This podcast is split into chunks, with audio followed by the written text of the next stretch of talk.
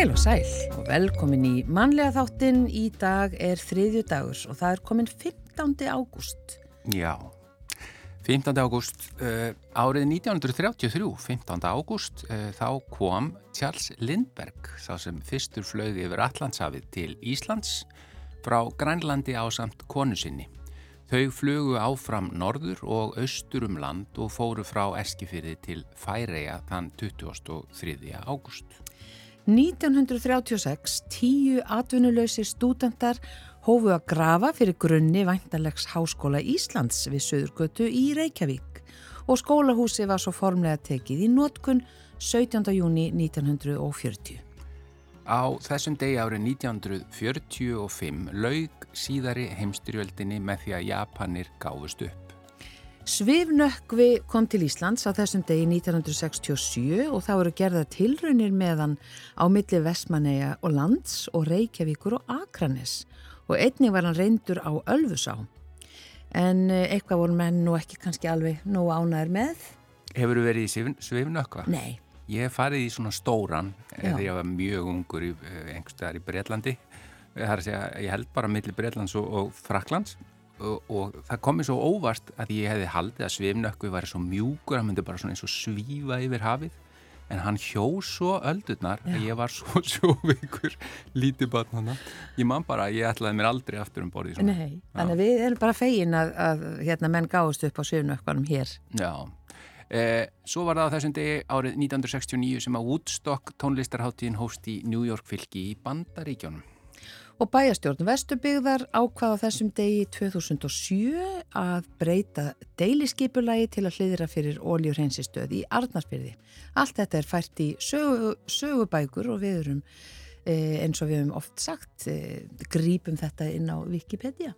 Já, uh, Yfir í efni þáttanins í dag, Emilia Björg Alladóttir, viðskiptafræðingur, hún ætlar að koma til okkar í dag og segja okkur frá niðurstöðum rannsóknar um miklu og raka vandamál í skólahúsnæði á Íslandi sem hún vann í lokaverkefni til meistaraprófs í verkefnastjórnun við Háskólan í Reykjavík.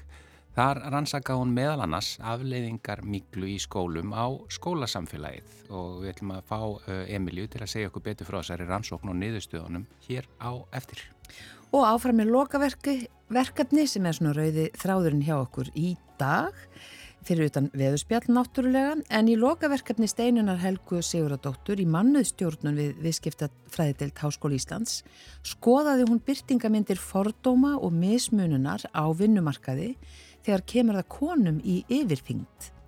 En engar íslenska rannsóknir eru til sem tengjast fordómum og mismunun á vinnumarkaði. Í niðurstöðum rannsóknarinnar kemur í ljós að konur í yfirþyngd upplifa fordóma og mismunun á vinnumarkaði á borðið móðgandi aðtjóðasendir, niðurlægandi hegðun á vinnustafnum, kröfu um að leggja meira á sig og jafnvel vinnumissi. Svo eitthvað sé nefnt og við ætlum að ræða við hana steinunni hér og eftir. Já og svo eins og þú sagði ráðan veðurspjallið verður í dag uh, Elin Björk Jónasdóttir kemur til okkar eins og hún gerði allan síðasta vetur en hún verður reynda bara með okkur núna í mánuð Já. á þessum vetri þannig að við ætlum að aðeins að ræða við hana um liðið sumar uh, hvernig það hefur komið út og kannski hvað hún sér fyrir sér núna í kortónum Akkurat, en við byrjum á Katrínu Halldóru Siguradóttur, hún syngur hér lag af plötu sinni þar sem hún syngur lög Jóns Múla og texta Jónasar Árnasonar en aðalega lög Jóns Múla. Brestir og brak heitir þetta lag eftir þá bræður.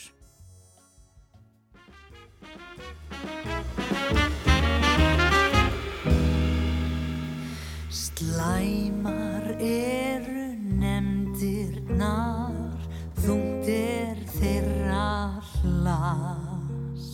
Samt við munum skjóta þeim, reppa fyrir rass. Því við getum jólahaldi frestað fram í mars.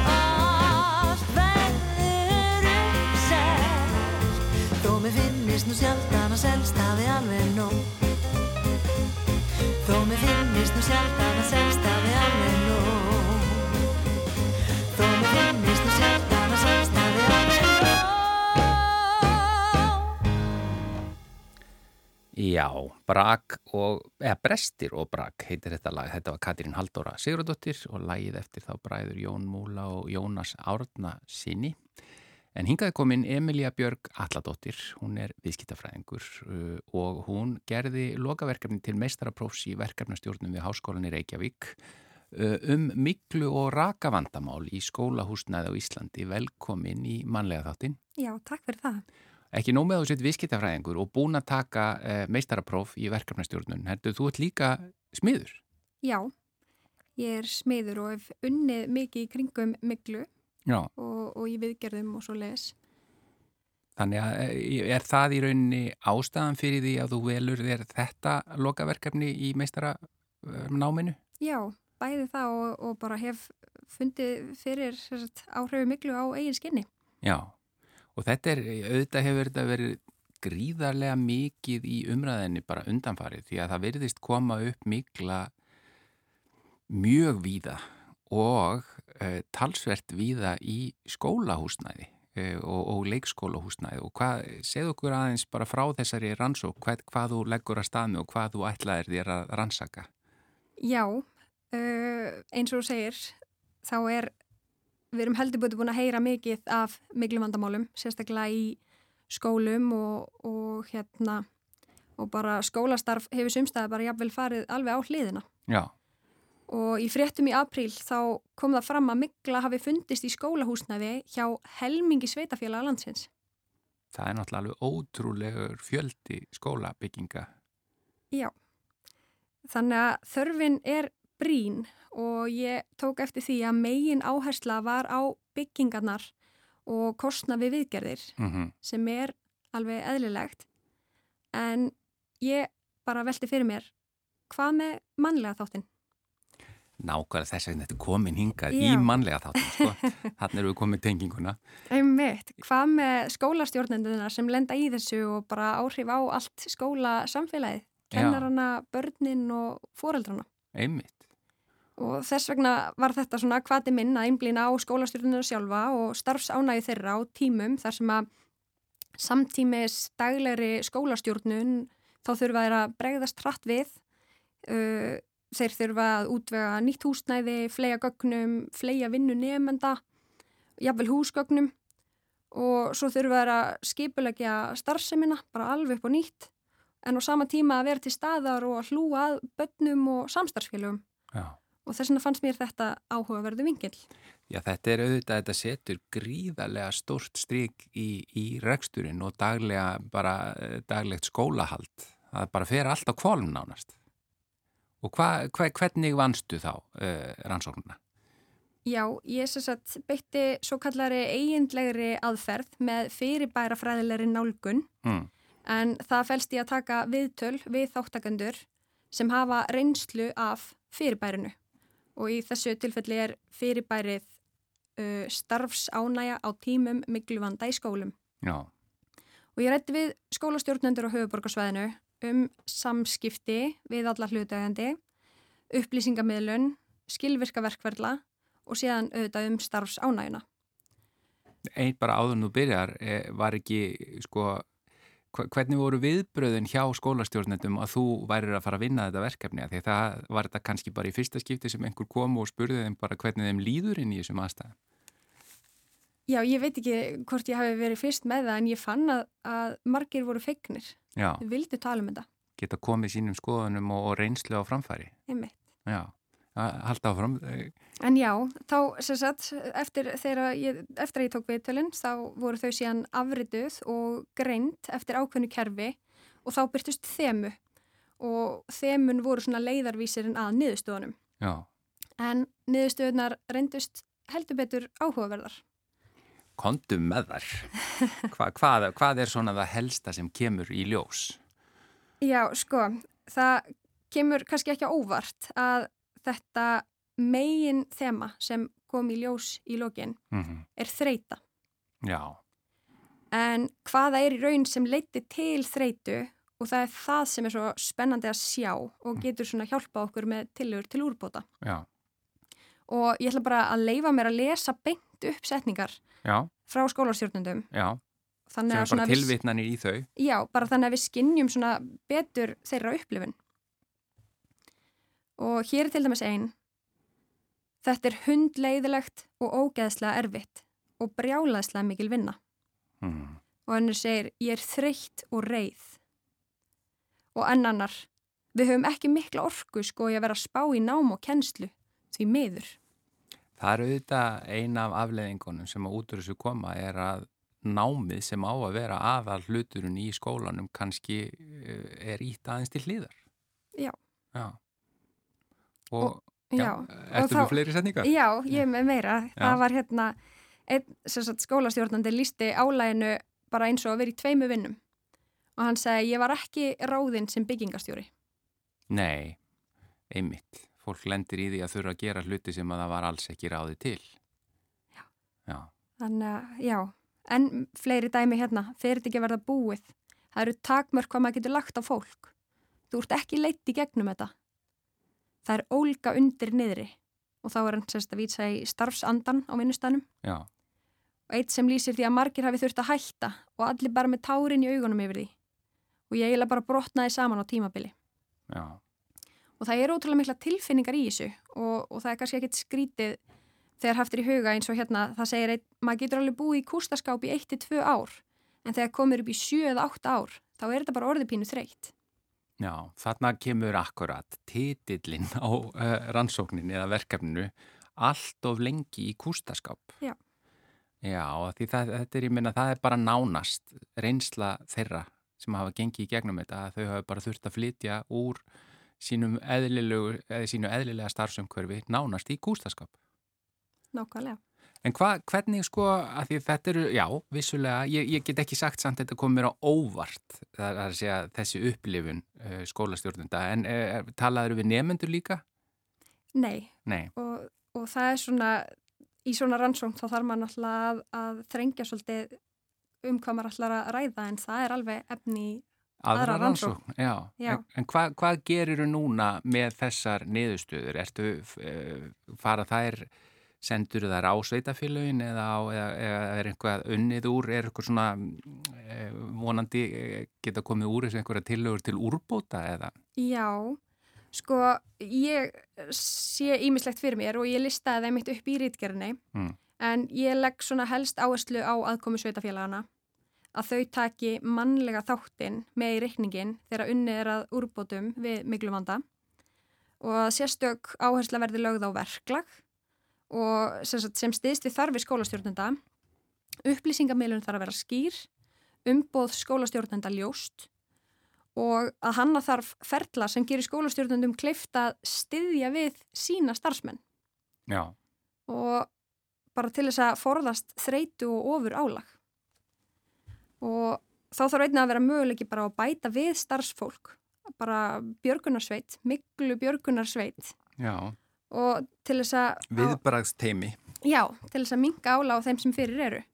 Og það er bara beinlinis ákall skólastjórnenda að gefin sér út gæða handbók til að vinna eftir í áskorunum sem þessum.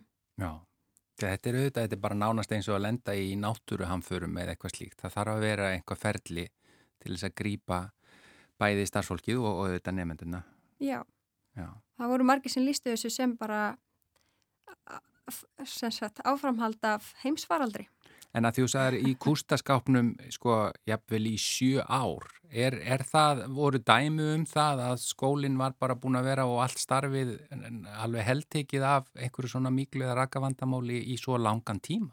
Já, við erum náttúrulega að horfa á það að þó þetta sé svolítið að koma upp á yfirborðin núna en þá er þetta búið að vera í gangi í langan tíma. Já. En þú, þannig ertu í rauninni að fjalla um afleiðingar þess þegar þetta kemur upp og að, að þurfa að bara í rauninni að finna nýtt húsnæði og, og, og breyta rekstrinum eh, eftir því. En það, þú ert ekki í rauninni að fara í afleiðingar miklunar sjálfurar á kannski hilsu uh, þessa hérna, starfsfólksins og þá nefndana. Um, nei, ekki beint. Aðalega bara á starfsánæguna. Já. En svo eru eins og þið lístu því, það er, fólk hefur þurft að hætta, starfsfólk hef, hefur þurft að hætta, það er bara nýlega í fréttum að skólastjóri hafi hætt já, vegna helsufars ástæðina Já. og Þetta- þannig að þetta setur allt saman strik í reikningin. Þetta eru risastór mál og eins og segir, þetta hefur komið upp í hvað helmingi sveitafélag á Íslandi sem er alveg ótrúlegt. En Emilia Björg Alladóttir, viðskiptafræðingur, takk fyrir að koma og segja okkur svona upp og ofan frá niðurstöðum þessa verkefnis. Er hægt að skoða einhver staðar verkefnið að þú nú vinnur þetta fyrir eh, Háskólinni Reykjavík? Já, þetta er inn á skemman.is undir mínu nafni. Já, þá bendum við fólki á það. Þakka er innlega fyrir að koma og greina okkur frá mannlega þættinum í, í sambandi við þessi miklu og raka vandamál hér í mannlega þættinum. Takk Emilia Björg Alladóttir. Já, takk fyrir.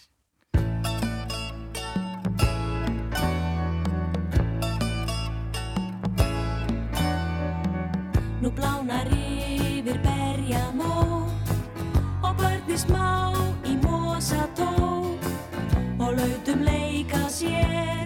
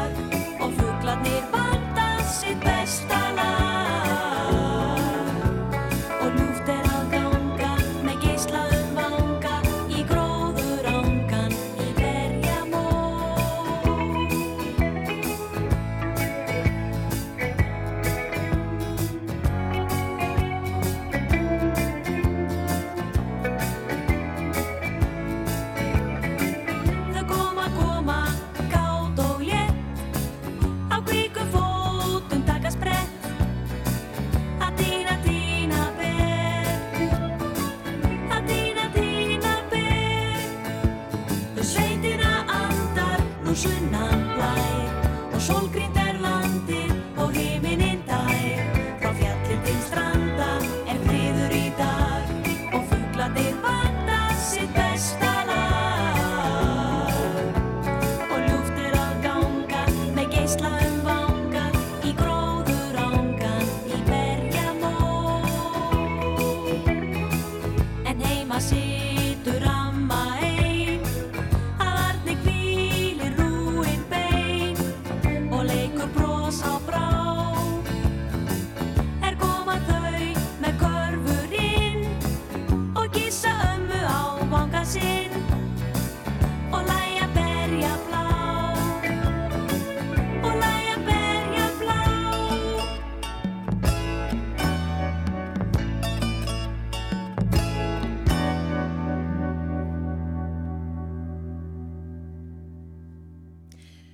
blánar yfir Berjamó. Eh, Þetta var eh, Ragnhildur Gísladóttir og Björgvin Haldursson söng þarna með. Gunnar Þórðarsson samt í lagið, Stefán Jónsson á uh, þess, þennan texta eða þessar vísur. Og þetta er svona partur af sirpu, ég veit ekki hvort þau eru hirt, þetta er af vísnaplötunni, Jú, jú, annar þeirra, ég held þetta sé af fyrri. Þetta voru bara vinsælustu plötur já, nánast. og þetta var í svona sirpu, var, Já, já, þetta var eitt af þeim lögum. já, þetta var bara að spila, hérna, það var skemmtar plötunar, það var að spila svo mikið á mínu heimili. Já, líka mínu heimili. Já, eða kassettunar, það var ekki plötspilar hjá mér, Já, það var já. kassettur. Já, það voru plötur hjá mér sko. Já. En við ætlum að tala um veður næstu mínúturnar og Elin Björk Jónasdóttir er mætt hingað til okkar eftir vonandi gott sumafrí. Velkomin.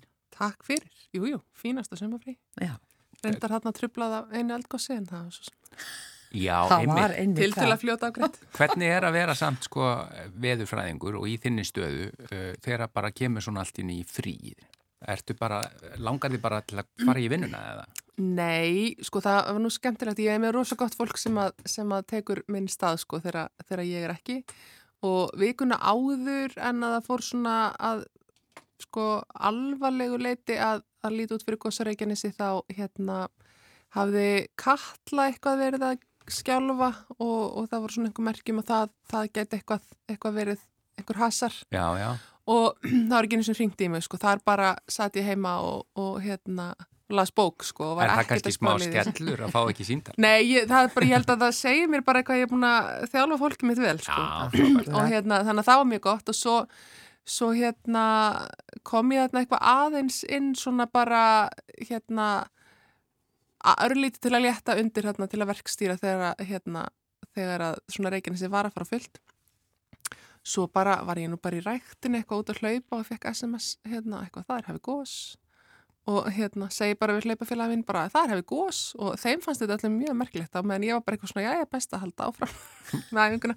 En ég fór náttúrulega endanum upp yfir því að það er líka þetta margir í sumafrým og, og svona og ég var í Reykjavík þannig að ég hérna, tók þarna nokkra daga og svo fór ég bara aftur í frí sko. Já, akkurat.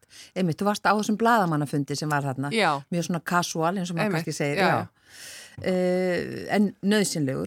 Og nú er þetta Já. gós búið.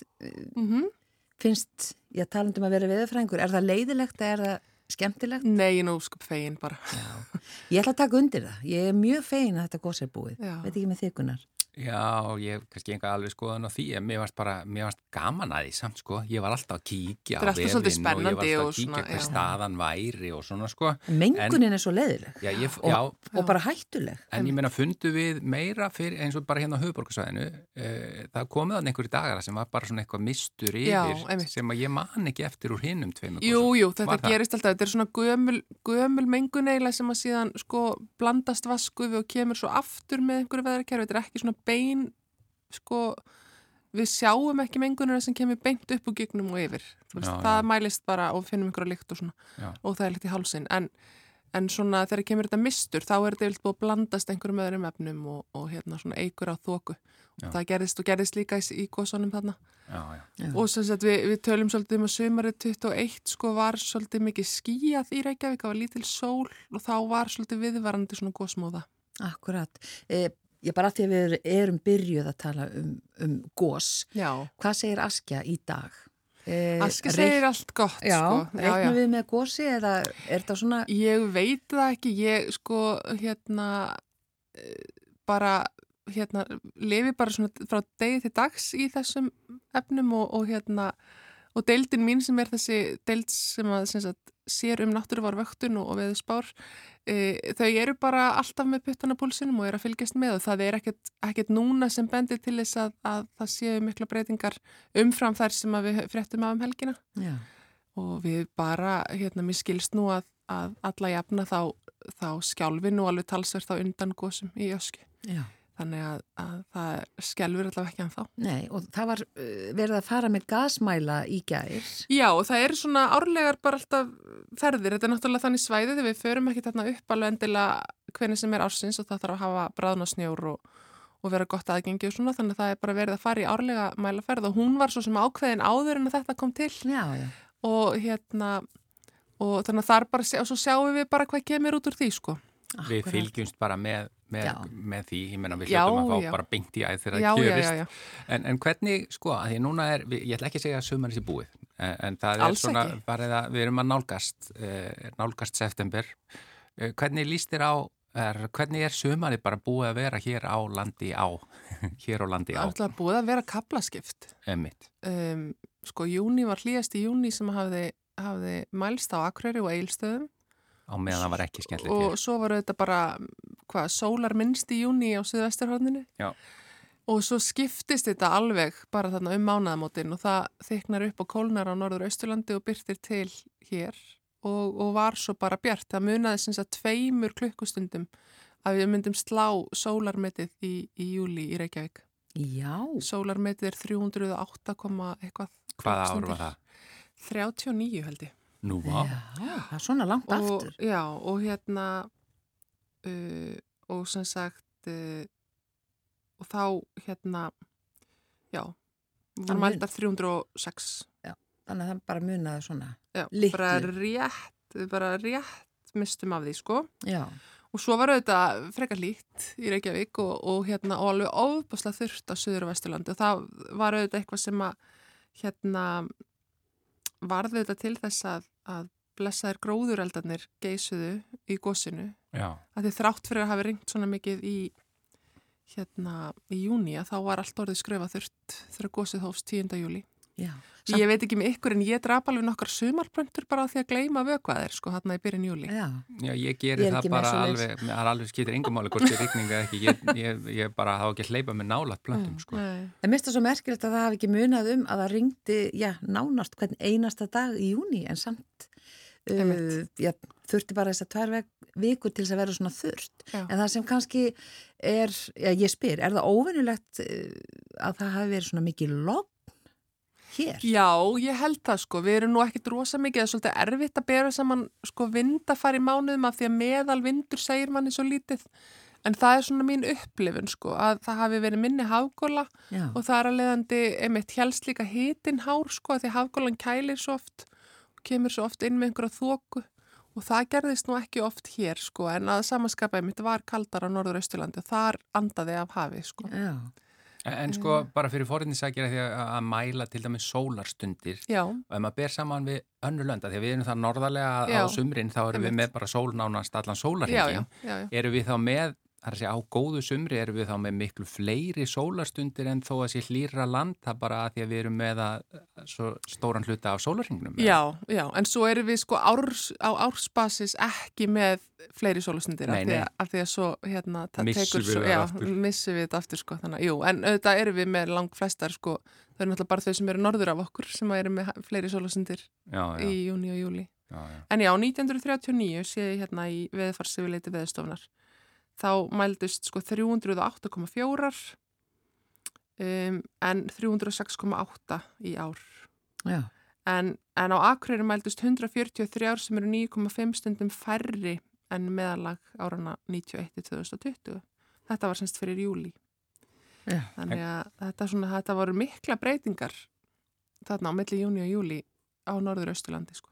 En hvað sérðu núna í kortónum? Hvernig, hvernig erum við að fá núna síðustu sumarvíkurnar og Uh, það er nú útlitt fyrir að, að það sé dágóð rigning í kortunum sínist mér uh, núna bara næstu daga sko það kemur bara svona lægð með, með rigningu síndist mér uh, nú kemst upp um mig að hafa ekki verið búin að skota rétt að það komin. Ég, ég en skoðaði það, það átti að vera grænjandi rigning eh, bara til dæmis á söðvesturhóttinu á föstudaginn en nú verist það að hafa bara breyst í sól Eh, þegar ég skoðaði í gær sko. það er úrkoma sko í kortunum en þá og hún er Mm. hérna á fimmtudag sig og, og fram á föstudagsmorgun um, svo bara brestur aftur eiginlega á með svona hlýjendum sko og það er hlýtt þó það regni sko að Og það er ennþá svona mjög, eða veist, ég menna, yfir 20 steg hitti fyrir Já. norðan og eitthvað Já, svoleiðis, sko, og, hérna alveg átján stig og Já. eitthvað svona.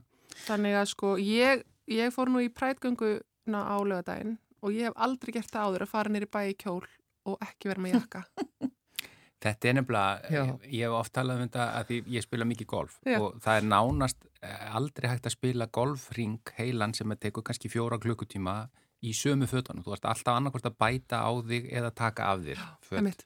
En það gerðist nefnilega og hefur gert marg oft núna í júli og síðustu þessar fyrstu tvær vikurnar í ágúst. Það maður bara spilar heilan ring bara í, í einhverju mjög lettum fatnaði, sko. Já, Sem er bara að því að maður er allt oft í regn eða vindgalla eða einhverju slíku. alltaf með allt með sér sko. Já, og, veist, og, og Það alltaf þannig. viðbúin Já. við öllum breytingum og, og kuld, þú veist, að því það getur sveiplast og til hitastíð og Já, allt. það En er haldið svona nokkuð jafnt, sko. Já, einmitt, og það er nefnilega það sem er ofinlegt og, og ég sé ekki betur en til dæmis menninganótt ætti að bara geta verið frábær líka með þessa viðspá sko. Já, akkurat. Og eins og sagðir einu sinni Elinbjörg að sömari er ekki búið, í rauninni er búið að færa sömari kannski svolítið bara til já, fyrsta oktober. Já, Af sko, september hefur verið oft svo góður. Já, viðstofan sko telur september sem sumamánuð og það er nú oft þannig að það eru mikil umskipti um miðjan september. Þá eru þetta haust uh, jafndagurinn svona annálgast og, og hérna og það uh, sko skiptir svolítið máli að hérna en Mér finnst bara dásanlega að heyra þetta. Veðurstofan telur september til sumarmánu. Ég ætla bara... við höfum stundum verið náttúrulega talin hálf brjálið fyrir, fyrir vikið sko en þetta er nú meira svona upp á tölfræði sko. Já, En það er þannig að, að hérna, í, og mér sýnist bara á öllu að, að það sé ekkert, það er ekkert sem bendir til þess að það verði einhver snörpum skiptið alveg á næstunni. Takk fyrir þetta Elinbjörg Jónasdóttir.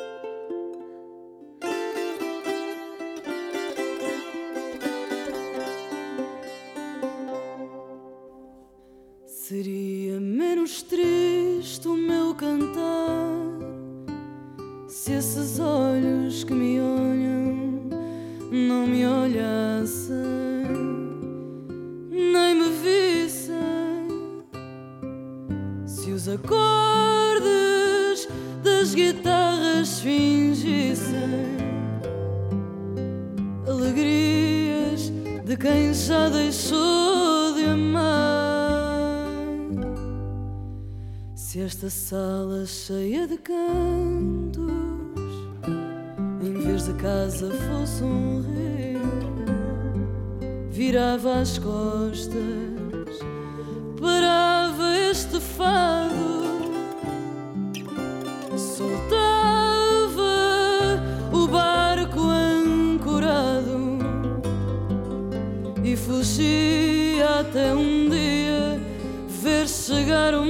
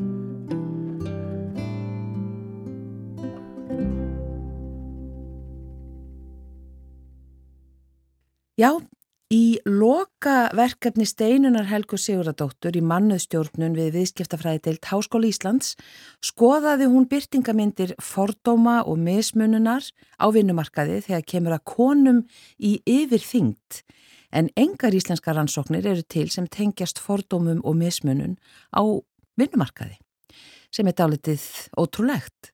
En í niðurstöðum rannsóknarinnar kemur í ljós að konur í yfirþyngd upplifa fordóma og mismunun á vinnumarkaði á borfið, já til dæmis móðgandi aðtöðasemdir, e, það er það er krafa um að það leggja meira á sig og jafnvel hafa þar mist vinnuna svo eitthvað sé nefnt en steinun er komin eitthvað til okkar. Velkomin. Takk að kælega fyrir. Kanski bara allra fyrst, af hverju valdur þetta e, efni? Já, sko, sko, þegar ég var að ákveða hvað ég ætlaði að skrifum þá eila svona upphaflega hafði ég ekki hugmyndum hvað ég ætlaði að skrifum. Svo tók ég áfanga í, sérst, á síðustu önninu minni þegar ég var að taka, en þá að taka kursa og þá fór ég í áfanga sem heitir fjölbreytileiki og inngilding. Og hann fjallaði um svona minni hlutahópa á vinnumarkaði og var byggður upp hann að var tekin svona fyrst var tekin trúarhópar og, og, og mismunandi sagt, eins og kynnegðir og alls konar. Og það var rosalega skemmtilegur og fróðlegur áfangi nema hvað í fyrsta tímanum þá var hend glæru upp á skjáin þar sem að var einmitt talað um konur í yfirþyngt og það var basically bara sagt það er verða fyrir fordómum um, það er enga rannsóknir til um þetta þannig að við munum ekki fjalla um þetta. En þetta er þarna. Og mér fannst þetta svo áhugavert og ég hugsaði bara þetta vil ég skrifa, um, þetta vil ég skoða. Og líka fannst mér þetta með svona af hverju er ekki búið að skoða þetta? Að því að náttúrulega fólk í yfirþyngd og bæði konur og menn þetta er svo, þetta er svo stækandi hópur. Og ég hef mitt komst að því þegar ég fór að rannsaka meira að sko bara innan Evrópusambandsins eru yfir 135 miljónir í yfirþyngd. Þannig að og náttúrulega megnið að þeim eru á vinnumarkaði. Og þetta verður þetta fólk fyrir fordómum ef við vitum það, akkur er ekki búið að skoða þannig ég hugsaði bara nú er upplagt að, að byrja þetta, þessa vinnu Akkurat og eins og segir, þetta er líka á við um karla í yfirþing eða á þetta bara uh, sko, sérstaklega við um konur? Þetta á við eiginlega sérstaklega um konur. Þess vegna einblýn ég aðlá konur. Kallmenn virðast ekki verða fyrir fordómum á vinnumarkaði fyrir þeir eru orðnir sko svona uh, virkilega agfeitir.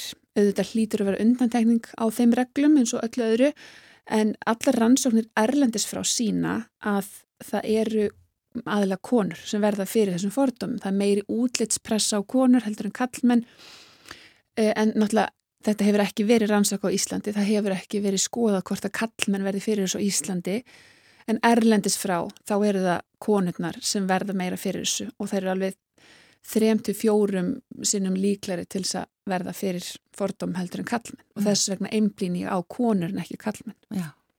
Og þú tókst viðtöl við konur? Já, ég gerði það. Ég sem sagt auglisti eftir konum sem hefðu upplifað fordóma eða eitthvað skonar mismunum fyrir það að vera í yfirþyngd og það voru alveg nokkra sem hefðu samband við mig og svo eftir rannsóknin laug þá hefðu fleiri samband við mig þannig að það hefðu geta verið fleiri en ég talaði sérst við sjö konur, þetta var eiginlega rannsókn og þær bara hittu mig og sögðu mér söguna sína sem var sláandi, reynd og sagt þær hefðu lendi í alveg bara, já, rosalegum uppákomum og á vinnumarkaði. Það var eiginlega bara, já, það var rosalegt að lusta á það sem þær hefðu að segja. Já, hérna. Og svona, hvað var svona sameilegt með, með þeirra sögum? Sko, uh, sameilegt var, uh, það var náttúrulega svo margt, en samt var þetta svo fjölbreytt. Svona helsta sem var náttúrulega sameilegt var uh, til dæmis fimm af þessum sjö konum voru í þannig starfi að þær þurfti að fá vinnufatnað, voru að vera í vinnufatnaði mertum vinnunni eða vinnufatnaði sem var sagt, skaffaður af þeirri því starfi sem þær voru í og þær áttu allar í vandrað með vinnufatnaðin. Það var neitað að panta fyrir þær fötir í stærð, þær voru látnar tróða sér í föt sem voru of lítil til þess að vera rétt mertar Uh, síðan ef það þurfti að fara einhvert annað og kaupa fatnaðinn þá var neitað að leifa þeim að fara í aðrar búðir til þess að fá fött sem að þeir pössuðu í af því það var bara samningur við, við búðir sem að voru upp að ykkur ákveðinir stærð og þetta var svona sífæld, sífæld barátta að þurfa að passi ykkur fött en ekki láta föttin passa á konuna og það var til dæmis mjög erfitt á sálinna að þurfa alltaf að vera að passi eitthvað að vera í litlum fötum, það er náttúrulega mjög erfitt. Svo var það náttúrulega líka bara framgangur í starfi, það er nú eitt. Það er þurftu allar svolítið að, að vinna með það að, að hérna, það er áttu erfiðar með að ná framgang í starfi. Uh, þeim var haldið aftur uh, varandi til dæmis laun um, þegar upplöðu allar að það var ekki hlusta á þær í starfi. Tvær, eins og þú sagðir, tveim var sagt upp og það var bara reynd og beint út á holdafari. Það var ekkit eins og falið. Þegar það löði fram kvartanir þá var ekkit unni með það, það fór ekkert lengra það var ekkert gert og þeir upplöðu sér bara svolítið eins og svona annars flokks starfsmæður og ekki eins og bara starfsmæður heldur bara annars flokks þjóðfélagsþegn Þannig að þær fundi þetta allstaðar Já, og ekki teknar alvarlega eða ekki hlustað á. Nei, ekki hlusta á þær. Nefndu dæmi. Já, til dæmis bara þegar þær leita til sína yfirmanna, uh, til dæmis varandi hugmyndir, hvernig hægt að betur um bæta vinnustadin uh, eða vilja leggja eitthvað til, þá var ekki tekið mark á því sem þær höfðu að segja. En svo upplöðu þær til dæmis að þegar samstarfsmaður kemur og með nákvæmlega sömu hugmynd, þá er það notað og það fer í framkvæmt og jafnvel fær hinn starfsmaðurinn launaða aukavinnu eða launaða prósentur hlutfall við að sinna starfinu en fyrir nákvæmlega sömu hugmynd en þegar þær laði það fram þá var það algjörlega hunsað Já. þannig að þetta er sko tap í framgangi starfstróun, launatap og bara og þetta er rosalega sko hefur mikil áhrif Já. Kom þetta þér á óvart? Sko, já og nei. Maður vissir henni alltaf að auðvitað væri svolítið fordómar fyrir sérstaklega konum í yfirþyngda því að maður sér það náttúrulega líka bara á netinu hvernig fólk talar og hvað fólk leifir sér. En ég hef, mér hefði aldrei grunað að það væri að þessari stærðagráðu og líka bara svona inn á vinnumarka því að maður vill nú trúa því að það sé ákveðin svona lög og reglur inn á vinnumarkaði og og einmitt þetta með að það sé ekki hægt að reka fólk fyrir holdafar eða þannig að já, það kom mér á óvart hvað þetta var mikið og hvað þetta var alvarlegt en samt vissi maður af þessu. Já. Ég, það var nú til dæmis ein sem sagt, það var ein sem ég talaði við hún var uh, að starfa í helbriðisgæranum og hún var sérst starfandi uh, og mætir á eina vakt og líður rosalega illa. Og þá hafði hún fengið sagt, nýrnasteinakast og það er náttúrulega bara algjörlega ótengt hennar holdafari eða neitt, hún bara fekk nýrnasteinakast. Og hún er sérst að vinna samhliða annari konu sem er svona yfir henni og hún neytar að trú henni og hún segir bara við hennar reynd út að hún, það sé ekki að henni hún sé bara nenni ekki að vinna, hún sé löt, hún sé þreytt, neyðir hana til þess að taka hægðarlif vegna þess að hún sé bara með hægðartregðu að því að hún nærist svo illa og, og hún alltaf, stelpan hafi fengið nýsnasteinakast áður þannig að hún vissi að þetta væri ekki hægðartregða. Hún neytaði nefn fyrst nú að ringja á foreldra sitt til þess að koma og aðstofa sig að fara heim. Svo loksins gefur hún nú eftir, þá lappar hún með þessari konu niður til þess að ræða við mömmina sem kom á sáttana í þessu, þessum fasa og segir sem reynd út við mömminar, ég það nú ekki dæðinni. Svo náttúrulega var bara, bara beint upp á hérna helsugæslega sem greið konan þurfti morfín og, og var bara með mjög slæmt nýrnasteinakast Mm. en henni var ekki trúað inn í vinnunni sinni sem var heilbreyðstofnun Mm. að því hún var á feit. Uh, ég sá þetta viðtal við inn á vísi.is sem er svona Já. ástæðan fyrir því að ég uh, hérna vildi fá því í viðtal. Hvaða, hvaða viðbröð hefur þú fengið? Ég fengi ótrúlega mikil viðbröð, eða miklu meira heldur en ég bjóst við. Uh, þegar rítgerðin kemur upphæfla út, þá er ég nú búin að fara í viðtal hjá heimildinni, ég kom hérna á Rúf 2 og svo var, ég held ég að það væri nú dáið niður og þá hafa hún samband við mig frá vísi og, og skrifaði mitt þessa grein upp úr rítgerðinni. Þannig að þetta er svona verið aðeins fara að rúla aftur sem er alltaf bara mjög gott því að maður vill hafa þessa umræðu í gangi, maður vill að þetta sé svolítið upp á yfirborðinu um það hvað er í gangi, hvernig er verið að koma fram við fólk. Og þá það er svona fyrsta skrefið í að eh, kannski að reyna að laga þetta. Og svo hef ég mitt líka fengið skilabóð frá all mörgum sem sagt já, konum mestmægnis sem að vinna bara í stórum fyrirtækjum hér og þar á landinu og vilja bara þakka mér fyrir að hafa gert þessar rannsókn. Þetta sé vissulega vandamál og þær upplifið þetta mikið í sínum fyrirtækjum hvort sem þær eru í stjórnundastöðu eða vinni á gólfi. Og að þær uh, já, að þetta sé bara vandamál sem þarf að leysa og þarf að tala um. Mm. þannig að þetta er greinilega til staðar og þetta er að grassera í fyrirtækjum. En svo er einmitt bara spurning hvort það fólk sé að átta sig á því. Já, að þetta er oft falið þetta er oft falið, Mhm. akkurat. En þetta er verkefni mitt fyrir mannuðstjóra, þetta var þín, ég meistara prófs rítgerð algjörlega, í mannuðstjórnun og, og bara okkur öll að, að, hérna, að hugsa um þessa hluti og, já, og laga þetta. algjörlega Kæra þakki fyrir að koma í mannlega þáttin Steinun Helga Sigurðardóttir, hjúkurnafræðingur og uh, við vorum að ræða þetta lokaverkefnið þitt í mannuðstjórnun við viðskiptafræði til Háskóli Íslands. já, takk fyrir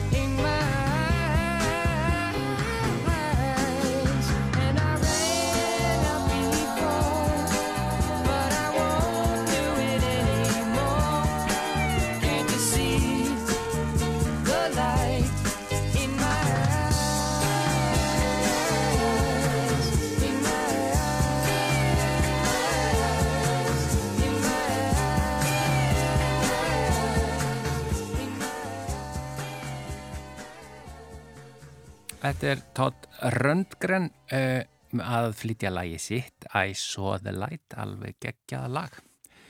Þetta er loka lagið í þættinum í dagur. Já, það er bara komið að lokum hjá okkur þennan þriðju daginn og á morgun er miðvikudagur. 16. ágústu. Já, já, bara svo þið vitið það. Já, Ef þið hefðu verið í vafa. já. Það, það- og, og jafnvel kemur 50 dagur eftir hann. Já, jafnvel.